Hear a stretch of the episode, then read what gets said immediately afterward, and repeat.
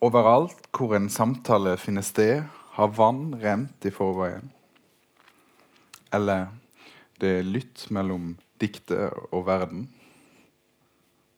Eller se himmelen i et glimt, eller se gjennom den. Eller din død er fortsatt et du. Det fins mange måter å nærme seg et diktforfatterskap. Mange måter å skape mening av et dikt. Meningsmang meningsmangfoldighet ligger i diktningens natur. Fordi det er lite tekst på papiret, er det opp til leseren å fylle tomrommet i teksten. Eller i hvert fall delvis. Det er jo ikke sånn at diktet er tappa for mening. Noe tekst fins jo på sidene. Noe handler tekstene om. Eller det er i hvert fall noe som blir beskrevet. For meg er dette et sentralt problem når jeg leser dikt. I hvor stor grad er det nødvendig å formulere en mening ut av diktene? Kan leseropplevelsen eksistere alene? Eller må diktene handle om noe utenfor lesingen? Og hvem er det som styrer hva mening jeg leser ut av et dikt? Er det først og fremst diktene i seg sjøl? Eller er det først og fremst meg som leser? Er det mine erfaringer, eller er det dikterens erfaringer? Og Det er òg et problem når en skal snakke om eller presentere andre sine dikt.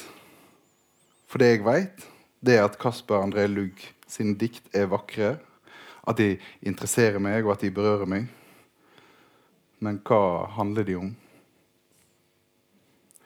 Overalt hvor en samtale finner sted, har vann rent i forveien. Handler diktene om forholdet mellom menneskene og naturen, om vår lille plass i naturens uendelighet. Det er lytt mellom diktet og verden. Handler de om skrivinga? Handler de om skrivingens og i forlengelse språkets umulighet til å beskrive verden? Se himmelen i et glimt, eller se gjennom den. Kanskje handler diktene om metaforene vi beskriver verden med. Din død er fortsatt et du. Eller er de henvendelser fra et jeg til en verden som må gis mening? Og Kanskje er dette en tullete øvelse å plukke ut enkeltsetninger og påstå at de representerer en helhet i et forfatterskap. Men de, det sier allikevel noe om forfatterskapet, som vi skal snakke om i dag. At det i hele tatt er mulig å dra ut en setning og la den starte en tankerekke. Det er så finjustert, så gjennomkonstruert, det dagens gjest skriver. Eller i hvert fall er det sånn det framstår for meg. Ta godt imot Kasper André Lugg.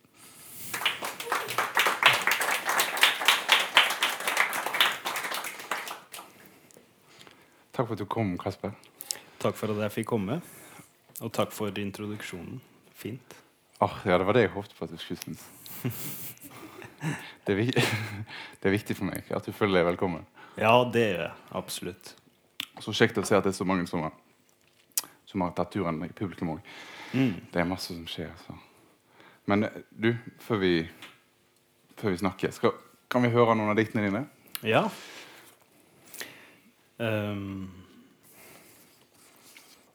jeg uh, kommer til å lese mest fra 'Til i det virkeliges blomstring', den siste boken min.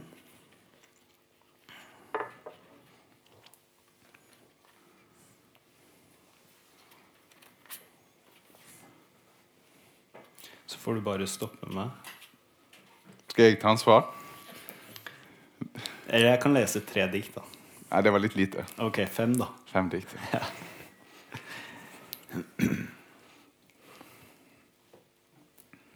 Stille mellom bønnen lever. Skogen lind og ask og lønn.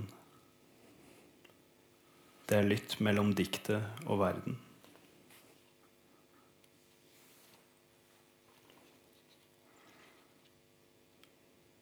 Så lite lys som skal til for et blad å tre fram.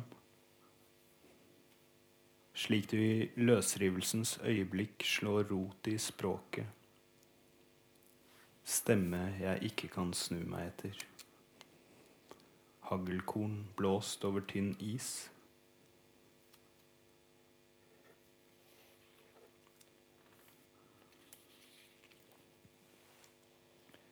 Springende over den første frosten, dempede farger, døde tempererer talen. Det er nå blomstringen avgir varme, lik dyr som skjelver i søvne.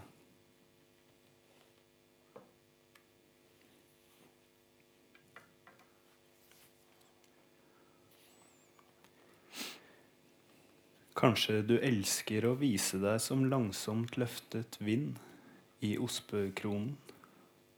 Den eneste mulige flåte i det høye.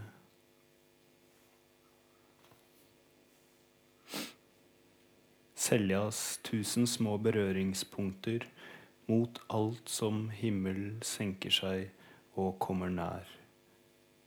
Tilgivelse er ikke en handling.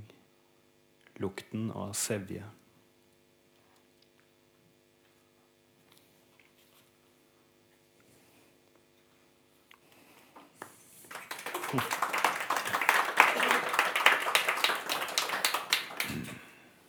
Det var vanskelig å telle hvor mange det ble. Ble det fem? Ja, jeg vet ikke hvor mange det ble. Jeg tror det var fem ish. Når du, er, når du, er, eh, når du reiser rundt på sånne, eh, sånne, sånne ting som dette, hva liker du best? Les, lese diktene eller snakke om dem? Ehm, jeg reiser ikke så veldig mye rundt eh, på sånne ting som dette.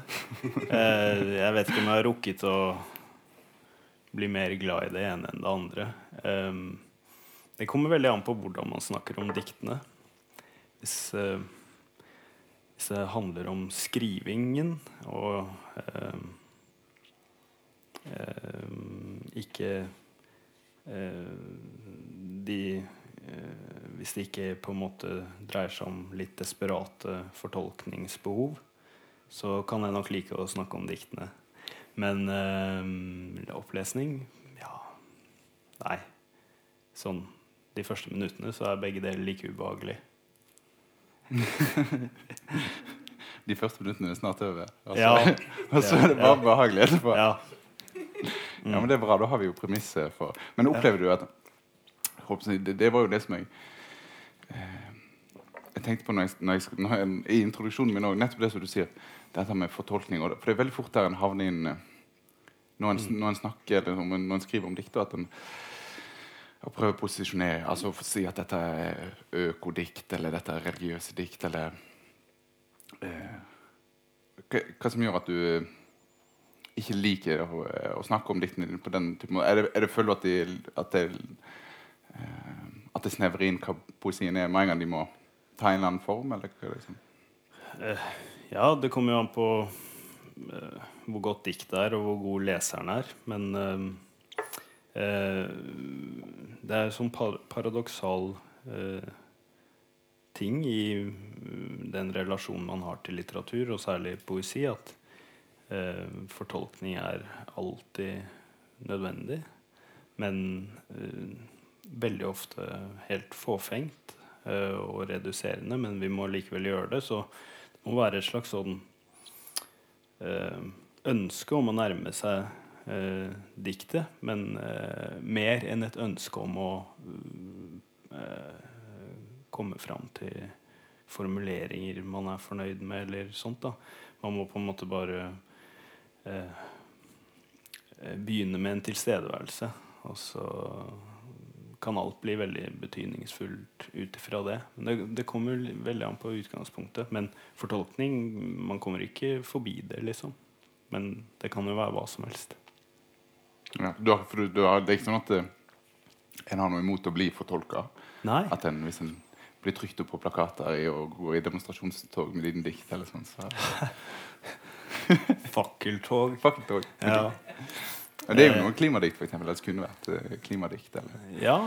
Hvis noen hadde eh, Nei, altså Ja, ikke noe imot det.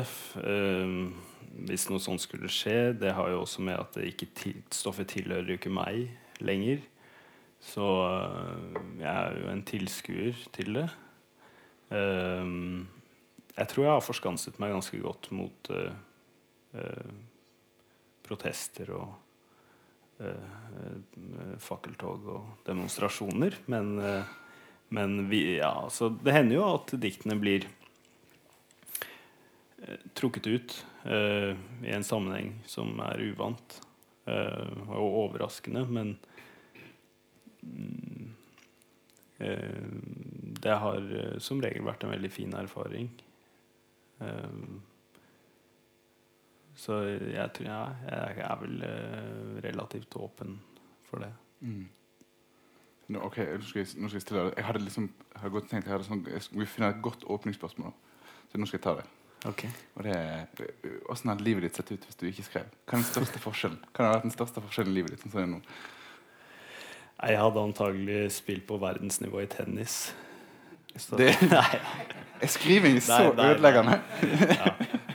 Nei, det var det, jeg hadde Jeg spilte tennis uh, fram til jeg var tolv. Eh, så jeg tror eh, ikke jeg kan tippe i den retningen. Men eh, Nei, jeg vet ikke.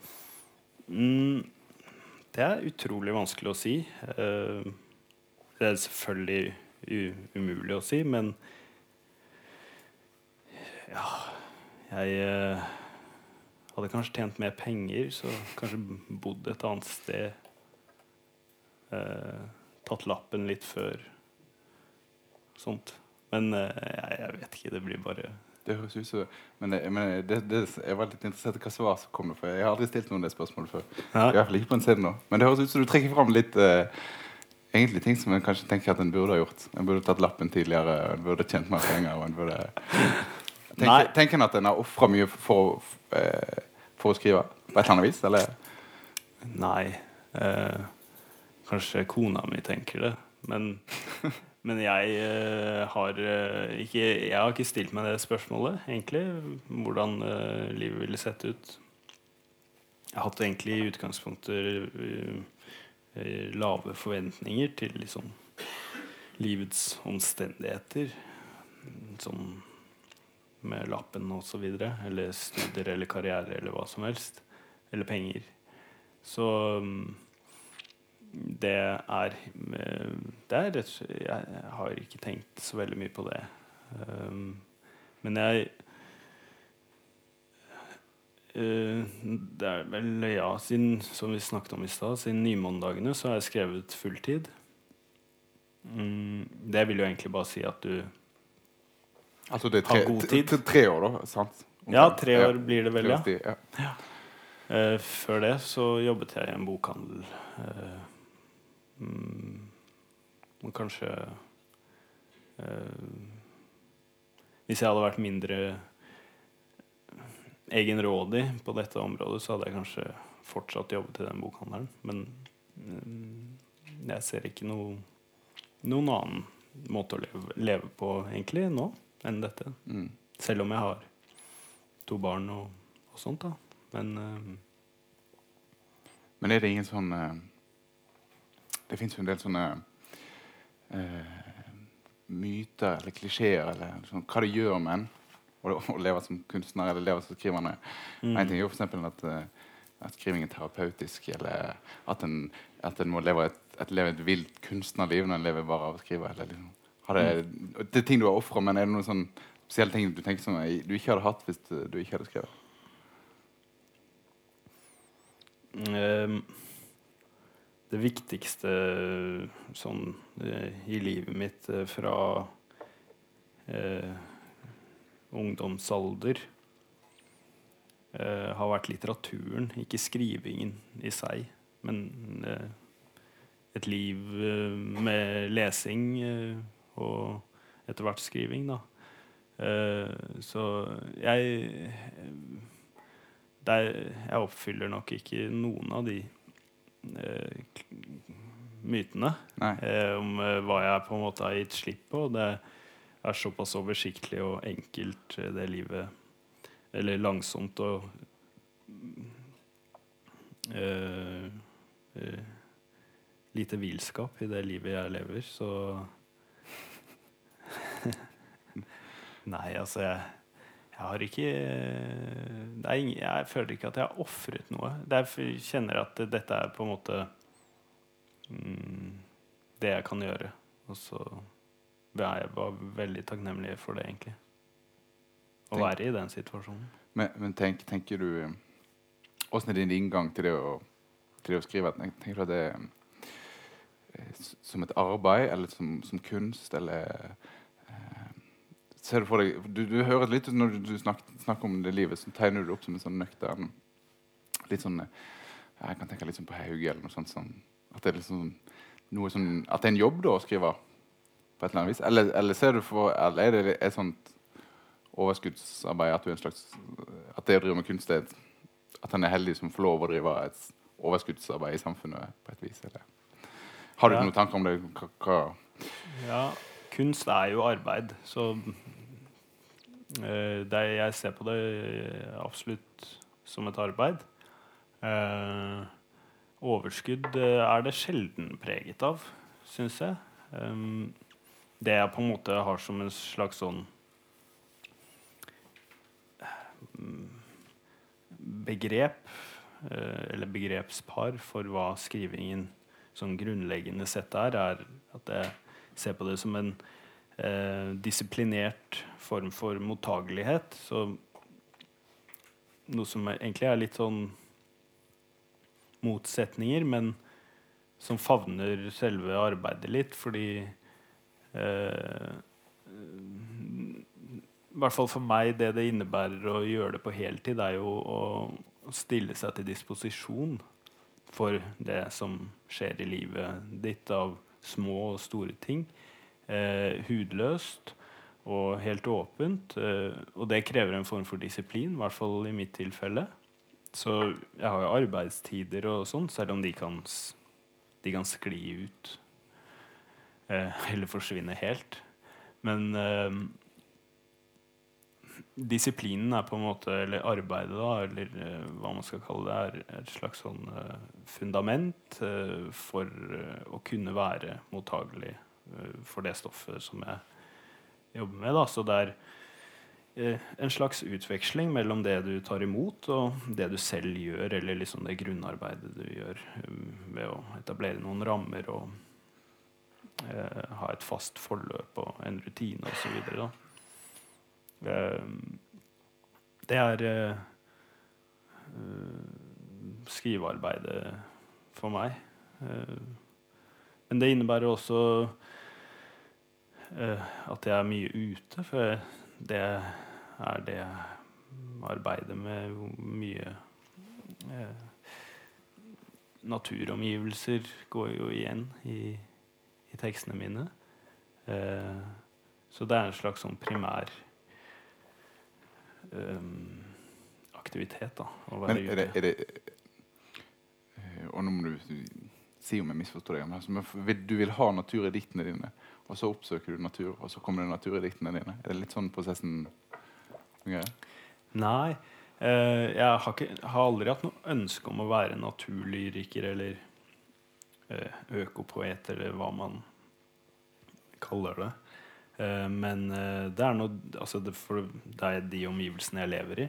Jeg har det best i det landskapet som jeg Altså det er relativt ordinært. Eh, jeg bor ikke i en tømmerhytte langt ute i skogen, liksom. Det er et helt, helt ordinært eh, etablert boligstrøk, men litt landlig, da.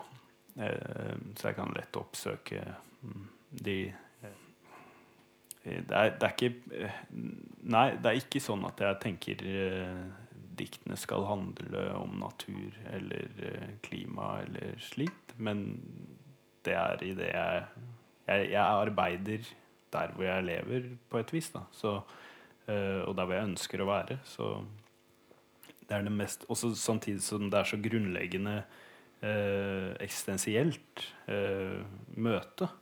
Eller selve møtet med naturen, eller andre vegetative livsformer enn deg selv, da, er så eksistensielt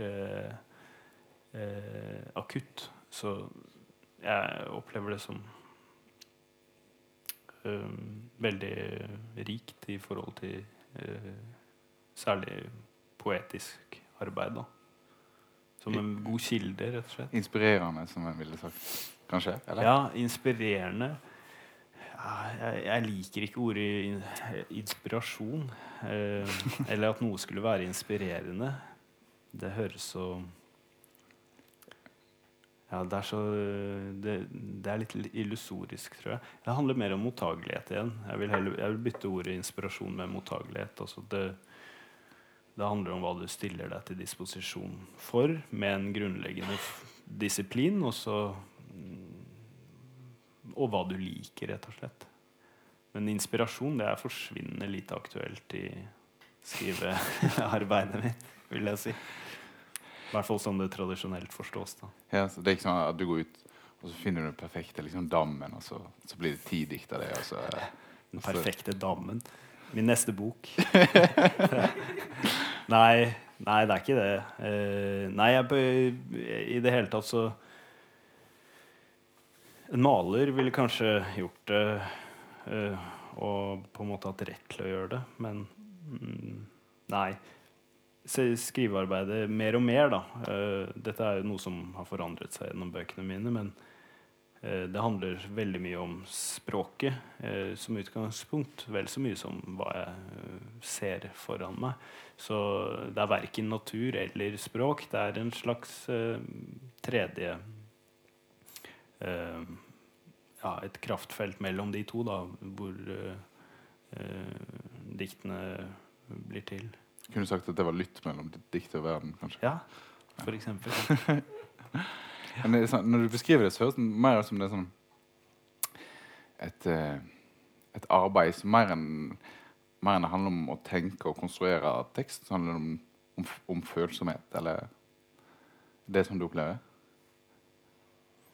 Uh, For det, er ikke, du, er, det, er, det er ikke sånn at du er opptatt av å se hva andre poeter holder på med, og så svare på deres bøker eller jobbe i dialog med det.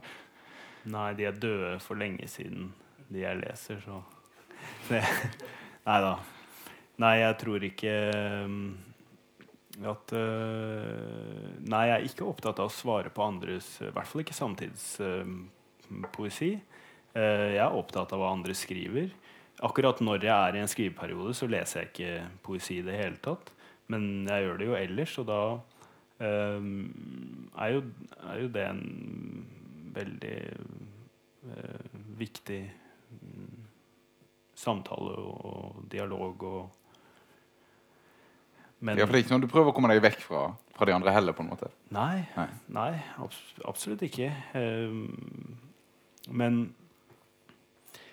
uh, for at jeg uh, skal og igjen, da, dette er noe som forandrer seg. Eh, kanskje med erfaring eh, eh, etter hvert som det blir flere bøker. Eh, så blir kanskje blikket litt mer øvet i når noe i sannhet er selvstendig, da. Eh, og det vil jeg kunne, kunne kjenne på en måte på autoriteten eller troverdigheten i arbeidet underveis også. Uh, og det, for meg, troverdigheten handler mye om at det ikke er noe jeg kan uh, uh, Altså, det må, kan ikke finnes for tydelige forelegg for det, da. Det må være transformativt på et vis. Det I hvert fall er det noe jeg blir mer og mer opptatt av. og derfor blir det jo også kanskje vanskeligere og vanskeligere. da, sånn Fortolkningsmessig, i hvert fall. Mm. Ja, for det, for det, tenker du sjøl. Som leser så, så, er det mye lettere å, å, si noe om den første boka di enn, om den siste boka di. Men det, ja. så det, er, du, det er åpenbart, ja. ja. Selv for deg, ja. Kan, kan, du si noe om kan du, kan du beskrive rommet du skriver i? Sitter, går du ut det er den naturen du snakket om. Er du der ute og skriver, eller er du inne og skriver? Eller? Uh, det er jo så få ord i uh, et dikt at jeg stort sett kan skrive det inni meg. holdt jeg på å si. Nei, Er det sant? Jeg trenger ikke, trenger ikke ha med meg skriveblokk, selv om jeg har jo med meg slikt. Eh, men eh, Tuller du nå? Nei. Skriver du? Det høres så sprøtt ut på meg. da. Er det helt sant? Du, skriver, du tenker bare, og så husker du det til du, til Ja, du kommer hjem, eller? Ja, både òg. Altså, jeg har jo redigeringsfaser og altså, mye mer sånn tilknyttet skrivebordet. Uh, men det er deler av arbeidet. Uh, men eh, et dikt kan kanskje ta utgangspunkt i et vers eller noe sånt da, som jeg bærer i meg på og så mm, kan av- eh, selve tekstsiden kan være veldig viktig eh, for, for hvordan diktet blir til. Altså typografien, oppsettet og alt, alt det. Men, eh, men det, det kan også ha blitt til gjennom lang eh, på en måte ikke, Jeg vil ikke si meditasjon, men eh, eh, kontemplasjon, kanskje, rundt et emne eller en, eh, et vers eller noe, noe slikt. Og så skriver jeg det ned på et tidspunkt. Men for å svare på eh, spørsmålet ditt Rommet jeg skriver i eh, nå, er eh, stua. Det den er ikke så stor, den stua, så det er sofa og bøker stort sett. Og så et skrivebord, da. Eh, barn på gulvet. Eh, er, men jeg kunne like gjerne egentlig sittet ved kjøkkenbordet eller Ja. på toget eller Så, så ja. Selv om det, det er på en måte Det er så rå Eller sted i form av natur, først og fremst, da, er jo så Ja. viktig. Ja. Så er det liksom ikke det faktiske stedet en skriver. ikke ja. Jeg trenger ikke sitte på en stubbe eller en uh, tinde. Det er jo det jeg, har, det det jeg håpte du skulle si. Så tygge Ja. på en blomst eller Ja. Nei, men helt alvorlig, altså, Dette synes jeg er kjempefascinerende. Du husker, du husker diktet? ja, Men i hvert fall det. Har du, har du noen gang gambla hvor, hvor lenge du kan gå før du skriver den ned?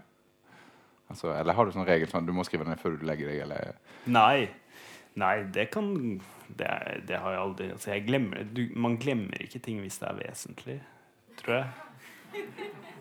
Eh, Ikke i denne sammenhengen. Det er i hvert fall det, Åssen tolker du den latteren? Ok. Det, jeg, altså, bilnøkler er ikke vesentlig da, i denne sammenhengen. Ja. Eller, Bryllupsdager eller bursdager eller ja, sånn. Nei, men det er ikke vesentlig i den sammenhengen. Men det, det Nei, jeg glemmer ikke et, eh, hvis, det, hvis jeg på en måte begynner å bearbeide noe mens jeg går, f.eks. Eh, så vil det være, kunne være veldig forstyrrende hvis jeg skal eh, sette meg ned og begynne å skrive ned. Eh, det, det, sånn kan det være, men det kan også være at eh, det, det å begynne å skrive det er ak akkurat det som er nødvendig for at Mm. eh, diktet tar form. Altså, ja, det er jo ikke noen eh, fasit for meg på dette. Det vil alltid variere. Men, men det som kanskje er mest sånn eh, Sånn det som regel er, er at det, det er delt mellom en periode som er mer ved skrivebordet, og kanskje referanselitteratur eller ting som er, jeg trenger. øh, Og så en stor del av det som bare er en bearbeidelse av stoff over tid. øh, uavhengig av skrivebordet eller Men det er ikke sånn at du har ingen tro på at hvis du har denne eh, metoden her lenge nok, så er det en hel eh, Kasper André Lugg-bok som er blitt glemt? Som bare har, har, har liksom vært huska? Det, det, Nei, nei, det er en dårlig bok i så fall. Den er uvesentlig hvis jeg har glemt den. Du sa i sted at det som var mer enn skrivingen, så var det litteraturen som Mm, ja. liksom definerte. Men jeg lurer på hva hva, var, hva, er det, hva er det som gjorde at du Eller det, det er kanskje vanskelig å svare på, da. Men, eh, men du, du, du kan forsøke, siden du er så flink til å svare. Eh, hva er det som gjorde at du ble trukket til litteraturen? Eller? Har du noen sånn formening om det? Ehm, ja, det, det er to sider av det. Uh, jeg husker altså det som kom aller først, da. For det hører kanskje med til det spørsmålet hva jeg drev med før jeg begynte med litteratur. Og det var veldig eh, Alt som hadde med dette å gjøre, sto veldig fjernt for meg. Jeg gikk i helt andre retninger og var opptatt av virkelig helt andre ting. Eh, veldig rastløs og eh, hadde konsentrasjonsproblemer og skolevansker og alt mulig sånt. Så det, å være i nærheten av bøker, det var liksom det siste, da. Men så sa mamma at jeg fikk 50 kroner hvis jeg leste en bok. eh, og da trengte jeg penger til røyk. Så jeg var villig til å gjøre hva som helst. Jeg bodde jo da langt ute på landet, så det var liksom eh, Jeg var eh, Kameratene mine var helt andre steder. Og, eh, så da leste jeg bok, eh, og så var det faktisk begynnelsen. Det er litt sånn pinlig anekdotisk, denne fortellingen, men, men det er faktisk sånn det begynte. Og så på en måte etter det så kjennes det så enormt meningsfullt i forhold til det jeg tidligere hadde liksom tenkt at livet eh, mitt var, eller hva jeg skulle drive med. eller sånn. Så jeg, jeg, var i et slags sånn, eh, konstant sjokk over at det, dette var mulig. At det, bare en verden som ble større og større da, gjennom litteraturen. Så det var helt da etter hvert helt kompromissløst det valget om at det var det jeg skulle drive med. da. Får du fortsatt penger for det? Om jeg får fortsatt ja, penger? Ja, ja. Må du? 50 kroner? Nei, det var bare den ene gangen. Ok. Ja, for det hadde forklart hvordan du klarer å leve av skrivingen alene. ja, ja, ikke sant? Ja, nei. Nå er det staten. Nå er det staten. Ja. Vår alles mor. Sånn. Ja. Husker du hva bok det var? Ja, flate. Det det er irrelevant, altså. Nei, nei. Vi skal ut på det anekdotiske, ja. så må det med. altså. Eh, det var, Jeg husker ikke tittelen, men jeg vet det var en bok av Jostein Gaarder. Sikkert i ungdomssjangeren, da. For den var tynn og relativt stor skrift. Så For du fikk velge sjøl? Ja, ja, ja. det var en bok per definisjon, så jeg kunne ikke ta en barnebok, selvfølgelig. Men det var et eller annet med Jostein Gaarder. Hvis en, uh, hvis en skal ha tynne bøker, så hadde din siste bok for eksempel, hadde vært perfekt. hvis en skal tjene Ja, ideell. Men nå, uh, jeg husker jo liksom når det gikk fra, fra å være opptatt av lesing og den, uh, den sida av litteraturen til at det ikke til å handle om skriving? Um, ja, det gikk vel ganske fort. Eh, jeg begynte Jeg var veldig eh, Ja, jeg var kanskje 16 da. 16 år. Så begynte jeg å skrive aktivt. Hvor gammel var du når du fikk 50 kroner og kjøpte røyk? Eh, ja, si det. Altså, du var ikke 12? Nei. Nei. Jeg var kanskje 15, da. Ja. Eller noe ja. sånt. Um, så det var, gikk ganske fort før jeg liksom fant ut at jeg ville også drive med dette. Og da begynte jeg å skrive noveller og ville skrive prosa. Eh, så det var det første jeg gjorde. Eh, så, ikke så veldig lenge. Begynte å skrive dikt etter hvert. Og så, og så, ble det viktig å studere litteratur. Og så det var mange sånne ting som jeg var, jeg var veldig opptatt av. at eh, eller, for meg så framsto det veldig eh, fort som at det var en rekke krav knyttet til eh, det å eh, tenke den tanken om at man kanskje skal bli forfatter. At det var veldig mye jeg måtte lese. Altså det var noen sånne terskler da, som jeg tok veldig alvorlig. Så jeg forhastet meg ikke så veldig i begynnelsen. Tenkte at jeg måtte først og fremst lese, og så ja, gjorde jeg det eh, lenge. Så diktene i Lite rekvem er eh, de, i motsetning til alle de andre bøkene jeg har skrevet, strekker seg over en veldig lang periode. Ja, altså Lite rekvem det er den første, første boka di. Mm. Eh, og Hvis jeg skal liksom sette opp tidslinjen her, hvor gammel var du når den kom ut? Og, um, den kom vel i 2011. Nå er jeg 33. Jeg driver, jeg driver ikke med matte, så Jeg driver med litteratur. Jeg gjør ikke det, jeg heller. Uh, kan jeg ha vært Nei, uh, nei flate. 25. Ja, så, så det, men, men, er det sånn at det 25. Er det sånn, er det, men er det, tiårsskriving ti, i den første boka di? Altså sånn Nei, kanskje. Selvfølgelig er det mer konsentrert mot slutten, da, men hvis en skal liksom Ja, altså det som uh, Alt jeg skrev til å begynne med, handlet uh, om uh, hva jeg hadde opplevd i barndommen. Ikke fordi at jeg hadde et enormt behov for å skrive eller liksom jeg, Det var ikke fordi jeg hadde tro på at det hadde en terapeutisk effekt å skrive om et farskap, eller noe sånt, men jeg bare innså jo fort at det er jo bra litterært stoff. Så jeg følte meg nesten litt sånn heldig. Er det så, så kynisk? ja, faktisk. Det er det, er det faktisk. Jeg, jeg følte at jeg hadde Jeg har jo faktisk et slags uh, forhold å ta av, da. Uh, det er jo selvfølgelig også uh, tungt Ja, ja, ja. arbeid og, og vanskelig å være i og sånn, men i, Men det Men det Alt, på en måte, alle novellene og all, alle forsøkene fram til jeg begynte å skrive dikt også, eh, kretset rundt det. da Så det var en slags sånn eh, Ja eh, perfekt å ha som tematisk eh, forhold da, å kunne øve seg på.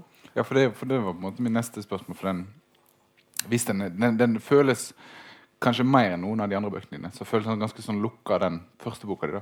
Så litt overraskende at den var skrevet så lang tid. For den, den handler Mm. nettopp om om, om eh, far-sønn-forhold. Og, så, eh, og dette er mye enklere å si om denne boka enn de andre. da. Også, og, og, det- og det at en far som dør, og, og de tingene der blir tematisert. da.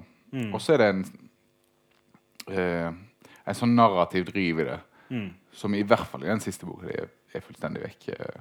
Mm. Men det er ikke sånn at du Det er ikke en konstruert eh, fortelling. Altså, altså det, du bare rett og slett eh, Det var naturlig at det var det du, når en skrev, så var det det en skrev om. Ja, og det er sant, det som står der. Så nei, det er ikke konstruert. Det er mer det at eh, altså, når det, en debut er en debut, altså du har ikke gjort det før eh,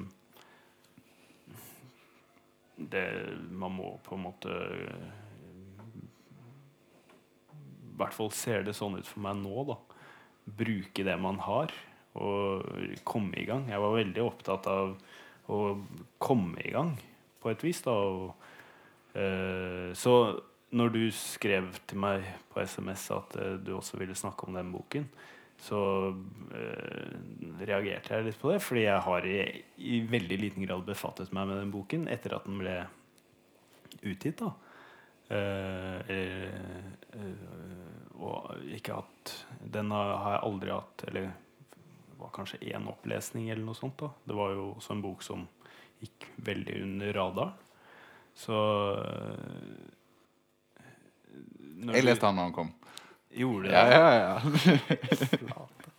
Ja, ja det, det var ikke mange, så det, Nei, det var bare meg. det Ja. ja, ja.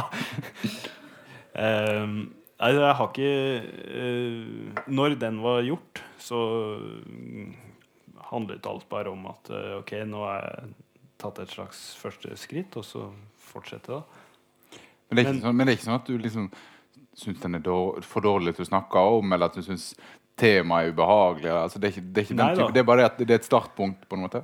Ja, tem, det er ikke ubehagelig. Og om det er for dårlig eller ikke, det er på en måte ikke mitt ansvar lenger. Da. Jeg, kan- jeg kan ikke Det er lenge siden, og det er debuten min. Det er på en måte bare realitetene. Eh, Men eh, jeg vil vel kanskje ikke Jeg ønsker jo ikke å evaluere den, på en måte. Eh, mm. Nei da, så jeg kan Det er ikke vanskelig å prate om, for så vidt. Det er bare fjernt i tid for meg, på et vis. Mm. Eh, og eh, hele veien så har det vært sånn at eh, eh, når eh, boken er ferdig, så er eh, boken ferdig, og så fortsetter jeg. For jeg i utgangspunktet ser på det litt sånn at jeg har det samme prosjektet hele, hele tiden. Um, Så en- liksom enhver bok er en forlengelse av Enhver bok er en forlengelse av den forrige. på ja, Eller kanskje ikke en forlengelse engang, bare en Ja, fortsettelse. altså, samme dedikasjonen, da, i hvert fall. Altså, Mm. Krever det samme i arbeidet. Og jeg eh, eh, er veldig glad for å kunne slippe taket og gå videre. Eh, så derfor kjennes det litt sånn eh, eh, Overraskende. Altså. OK, du vil prate om den? Ja vel, ja, ja. Og så må jeg prøve å huske noe av det. det vil si, jeg husker eh, det siste eh, Du hadde jo også innledningsvis et eh, sitat derfra, og det er, det er ting som fortsatt eh, jeg kan bringe fram i minnene. Men eh, Jeg synes det er en del det, det, er jo, det er jo en del interessante ting som skjer i den, blant annet med det her duet som er som er sønnen, og så er det og så er det ikke sø, så er sønnen Så er det faren som er due i andre dikt, og så beveger duet seg eh, gjennom boka. Det for eksempel, er jo et inter, interessant grep, da. Altså, I hvert fall når duet til slutt er Eller når den som dør, er du, due Mm. Men, eh, men det er nok ikke et spørsmål det sånn som jeg bare kan lese, lese til seg sjøl. Ja. Nei, eh, det Det kan jeg si lite om. Eh, eh, den bevegelsen mellom de duene. Eh, det er en interessant fortolkning. Men så på en måte langt framme i bevisstheten har jeg det Nei, ikke. nei, nei, vi, vi trenger ikke å gå inn i det hele. Men det er veldig fristende hvis en skal snakke om ditt forfatterskap. Også. Eller når en snakker om alle forfatterskap, så er det fristende å gjøre inndelinger. Og da er det da er, det- det veldig fristende å putte debuten inn i, i en bolk. Går, for det går jo mange år. Til tre år. Og så kommer det eh, fire samlinger på fire år. Nei, ja, hvor lang tid går det mellom debuten og den? Det, går, det er i hvert fall den eneste som har et års Fire eh, år. Ja. Det er for, det, for de andre kommer kjapp, kjapp, kjapp etter hverandre. Så det virker som det har skjedd et eller annet med skriveprosessen. Eller hva er det som gjør at eh, du sa, nå, nå beskrev du jo den debuten nettopp som et startpunkt, men det er liksom egentlig den andre boka som, som blir det virkelig startpunktet, der bøkene kommer på rekke og rad. da. Eller er det Ja, det eh, Grunnen til at det tok så lang tid, var Det hadde bare med en rekke eh, omstendigheter i livet som eh, gjorde at jeg ikke eh, Altså, jeg var syk en periode, så jeg kunne ikke liksom ha den samme motivasjonen og sånn.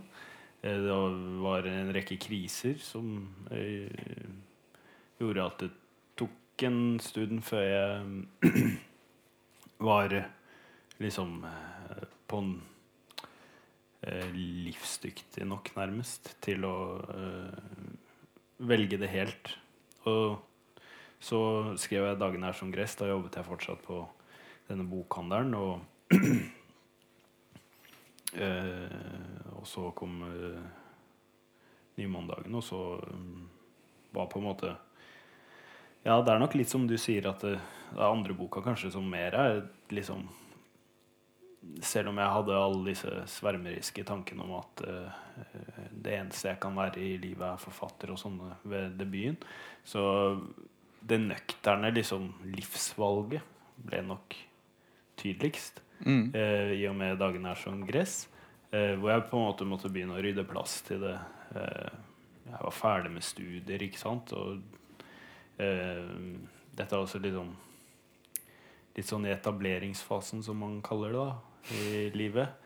Med, mellom Før jeg fikk Ja, altså Det ble skrevet i perioden hvor jeg fikk mitt første barn, og så videre. Så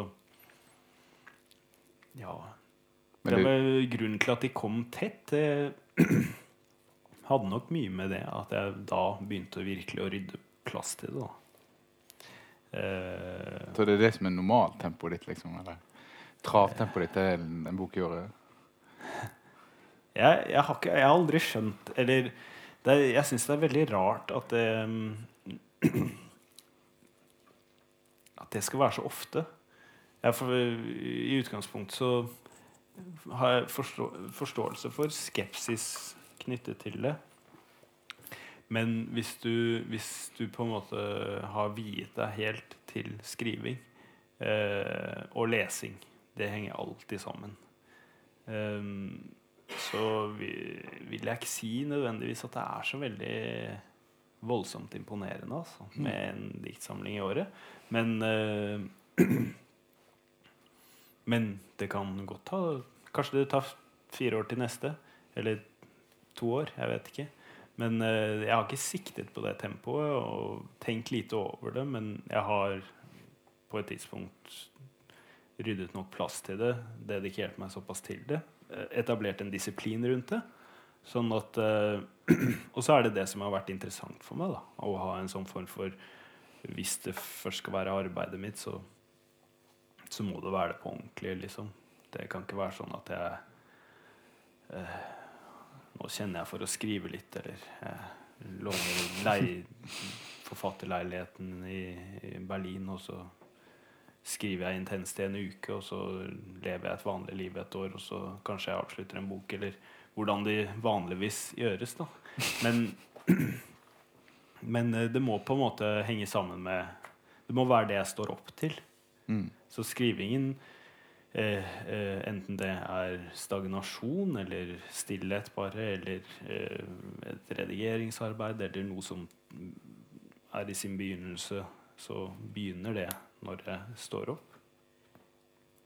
Eh, og jeg legger det fra meg på et tidspunkt, og så har det blitt sånn da, at det har eh, resultert i det tempoet. Men jeg, jeg tror ikke nødvendigvis at det, det er mitt tempo. Det vil forandre seg alt ettersom. Du slengte en SMS mot meg i sted, så jeg skal, tror jeg skal slenge en SMS tilbake. da. Ja. For det, for det du svarte, var at du helst vil snakke om den siste boka di, som er den her, som heter 'Tilgi det virkelighets blomstring'. ja, nå høres det ut som jeg Og- ja. Og, så, og, så, og så sa du eh, For den gjør seg stadig mer gjeldende Mm. i livet ditt. Og, ja, nå, ja, jeg, jeg husker ikke alle SMS jeg har fått i hodet, altså. men omtrent. ja, den gjør seg fortsatt gjeldende i arbeidet. Og, og det, jeg da var lurt på den eh, som, Det høres ut som den boka skiller seg ut eh, eh, Altså Som leser så, så er det én ting jeg, altså, jeg syns den er naturlig nok da når det er den siste, at den er liksom et nivå over det de andre. Men hva er det for deg som gjør at den, den skiller seg fra resten av forfatterskapet ditt? Som gjør at du eh, for jeg, hadde, jeg fikk ikke inntrykk av at du hadde lyst til å snakke om den kun fordi at det var den siste. på en måte. Men, men at den var noe, noe annet i forhold til de andre bøkene dine. Mm. Uh, det har også Altså uh, Det er jo også fordi at det, dette arbeidet som er nærmest i tid uh, Så det på en måte er eh, fortsatt levende i meg, da. Men det er vel et eh, eh, Jeg er veldig lite opptatt av de fire foregående bøkene. Fordi at jeg motivasjonen i dem nok er annerledes enn motivasjonen for skrivingen nå, men på et veldig grunnleggende nivå. da, altså eh, Det betyr ikke at jeg nødvendigvis nedvurderer alt som er i de tidlige bøkene, men det er en større eh, Så jeg kan eh, kalle det Det er en slags sånn aforistisk eh, tilbøyelighet eller lengsel i eh, det jeg tidligere har skrevet, syns jeg selv, som er mer i retning av jeg sier noe minneverdig. Mm. Eh, så leseren må lytte eh, til ettertanke osv. Men det kommer veldig til kort mer og mer for meg en sånn holdning, fordi problemet med ettertanken er jo det er jo nettopp at det er en forsinket tanke. Um, og ikke nødvendigvis fordrer noe nærvær hos leseren. Uh, så, så jeg har blitt opptatt av eh,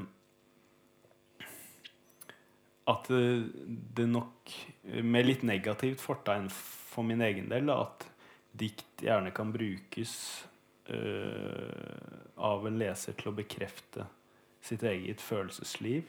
Altså at lesningen blir behovsstyrt. Kanskje skrivingen også behovsstyrt. Altså med andre ord sentimental, da, på ett nivå. Um, og dermed ikke akutt. Så ja, eh, motivasjonen i skrivingen er mer uh, eh,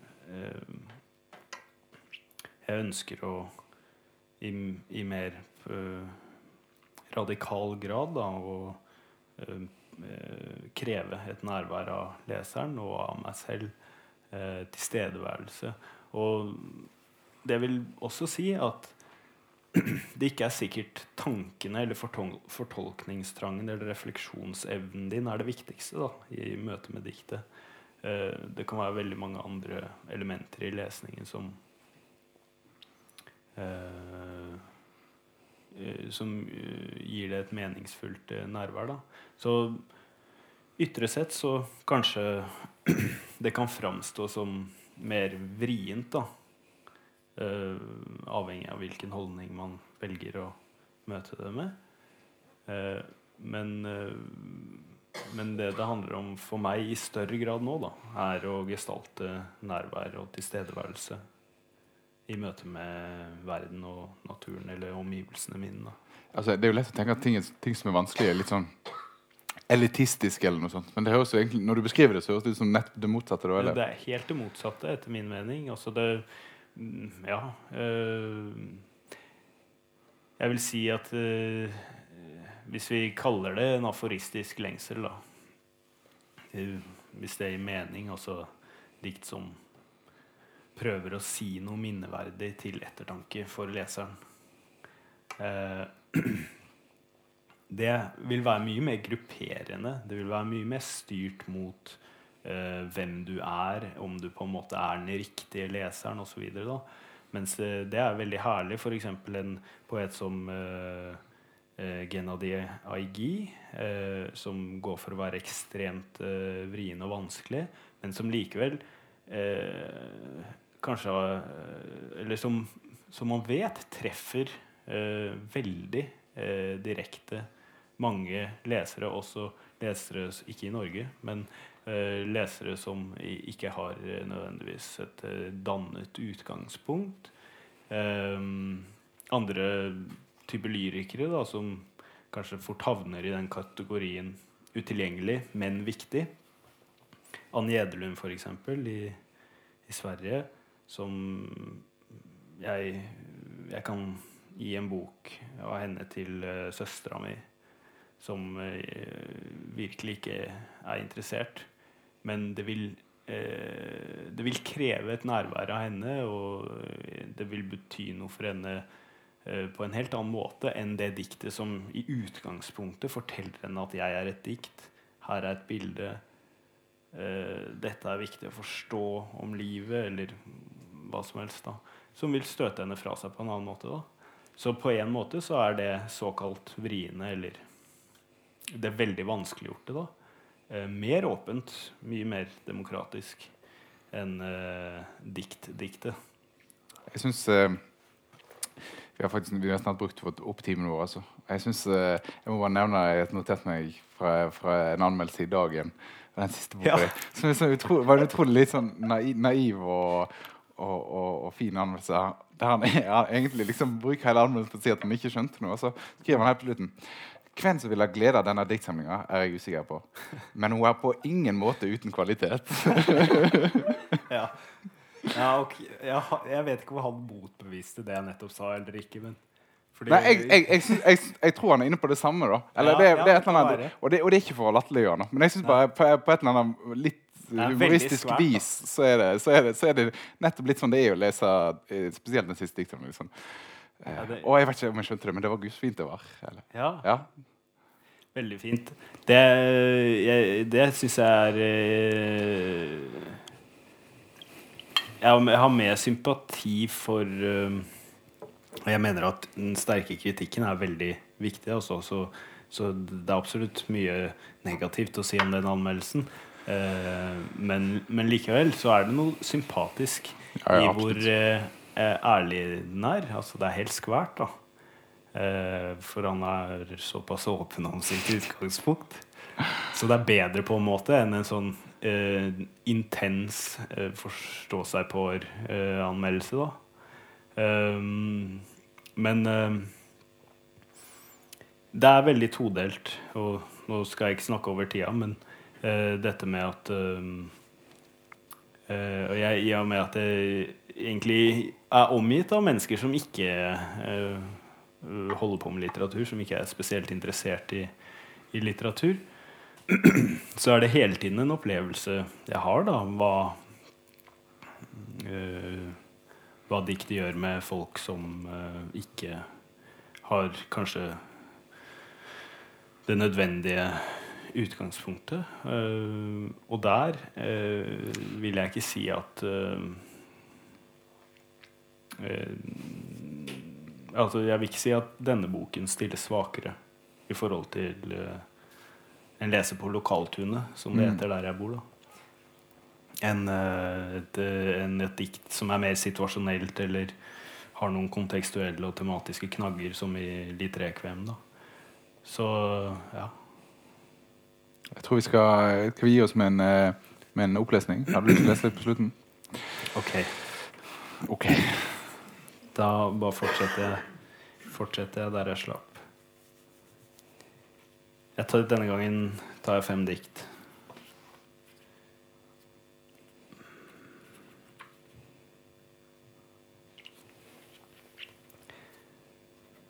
Jeg snur meg fire ganger i vinden. Tilgivelse framtrer i flertall, som den hasselaktige tilveksten av språk eller et rom for hver blomstring. Snø og aske daler forskjellig.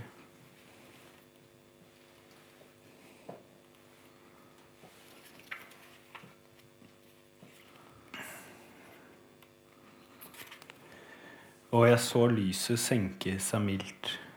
I mine øyne hendelsen sprang. Som nærvær usynlig lent mot en kropp der bønnen er lekk jeg ikke vet om. Og jeg så barna leke i vinden, språket som løvet skjult under snøen, løftet mot pannen til syne usynlig. Der så jeg sorgen kreve et navn. Og jeg så dyrene skrape i skaren, nebbene taust inntil barken skrape, hender som dråpefall inn under våren. Og jeg så jeget i vinden og våren blande seg mildt i håret og løvet. Jeget som sprang mellom stammer av ungbjørk. Lyset i lyngen som trekker i hjertet. Være i verden og ikke av verden. Takk.